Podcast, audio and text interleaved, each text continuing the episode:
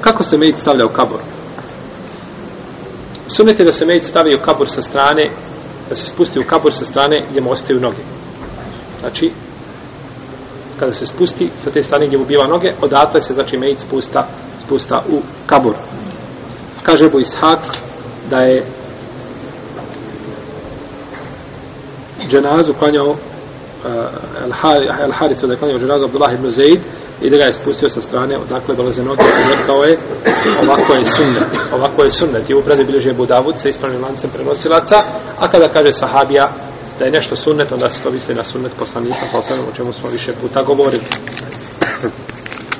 Mejt se spolaže u kabur na desnu stranu znači na desnu stranu na bok na bok, znači desne strane se položi on biva na bok, ispravi se znači i biva na boku desne strane I tako se muslimani, kaže Ibn Hazm, tako se muslimani ukopavaju kod svih muslimana od vremena poslanika sa do današnjeg dana.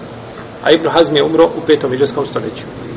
To je danas peprano toliko da ćete rijetko naći ovaj gdje da se tako metu kopava, možda ćete naći u Saudijskoj Arabiji i rijetko na drugim mjestima da ćete naći da se metu kopava na ovakav način što je znači jasno i vidno odstupanje od prakse poslanika sallallahu alejhi ve selleme a bilo je vidimo do petog hidžrskog stoljeća su muslimani nisu drugačije okupavali pa čak ni Ibn Hazm koji je živio gdje u Endelusu Endelus znači ni do tog znači vremena nije se taj sunet nije bio promijenjen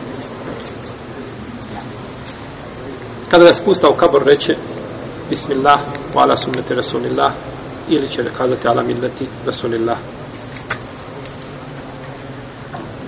kada se spusta žena u kabor, pokriće se.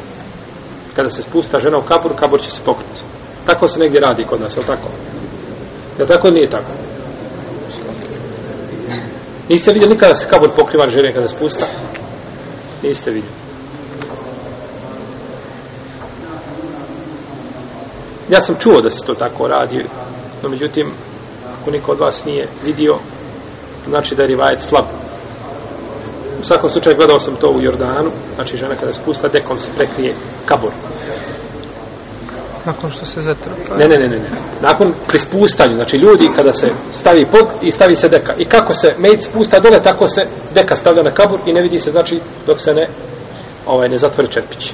Tako da ne bi slučajno radi otkrivanja. Kaže Ibnu Kudame da nema razilaženja među fakihima da se ovako radi ne znam, kaže, razilaženje među lemom, da se, da se tako postupa. I o tome imaju predaje od Selefa. I kod muškarca, kažu malikijski pravnici, i kažu hambelijski, i hanefijski pravnici, da se i kod muškarca pokriva kavom, da se spusta. Šafijski kažu da ne pokriva. Ispravno je mišljenje šafijskih pravnika da to nema osnovne. A za ženu postoji korist ili razlog zbog koja se pokriva, to je slučajno da se ne bi šta otkrilo nešto njenog tijela. U svakom slučaju, ono gdje se ulema složila, to ne smeta praktikovati, a što tiče pokrivanja muškarca, ispravno je više je šafijski pravnik, a to nije sunne. Nakon ukopavanja, lijepo je da se sa glave mejta prema nogama tri puta svako znači da uzme i da baci zemlje. Da uzme zemlje u ruku, šak i sa glave, od glave prema nogama ovako da baci tri puta jer je tako činio poslanik sallallahu alaihi wasallame kako je došlo u predaj kod Ibnu Mađe. To je prije čega? Prije nego što se počne zemlja stavljati, znači u kapu, vraćati u kapu zemlju.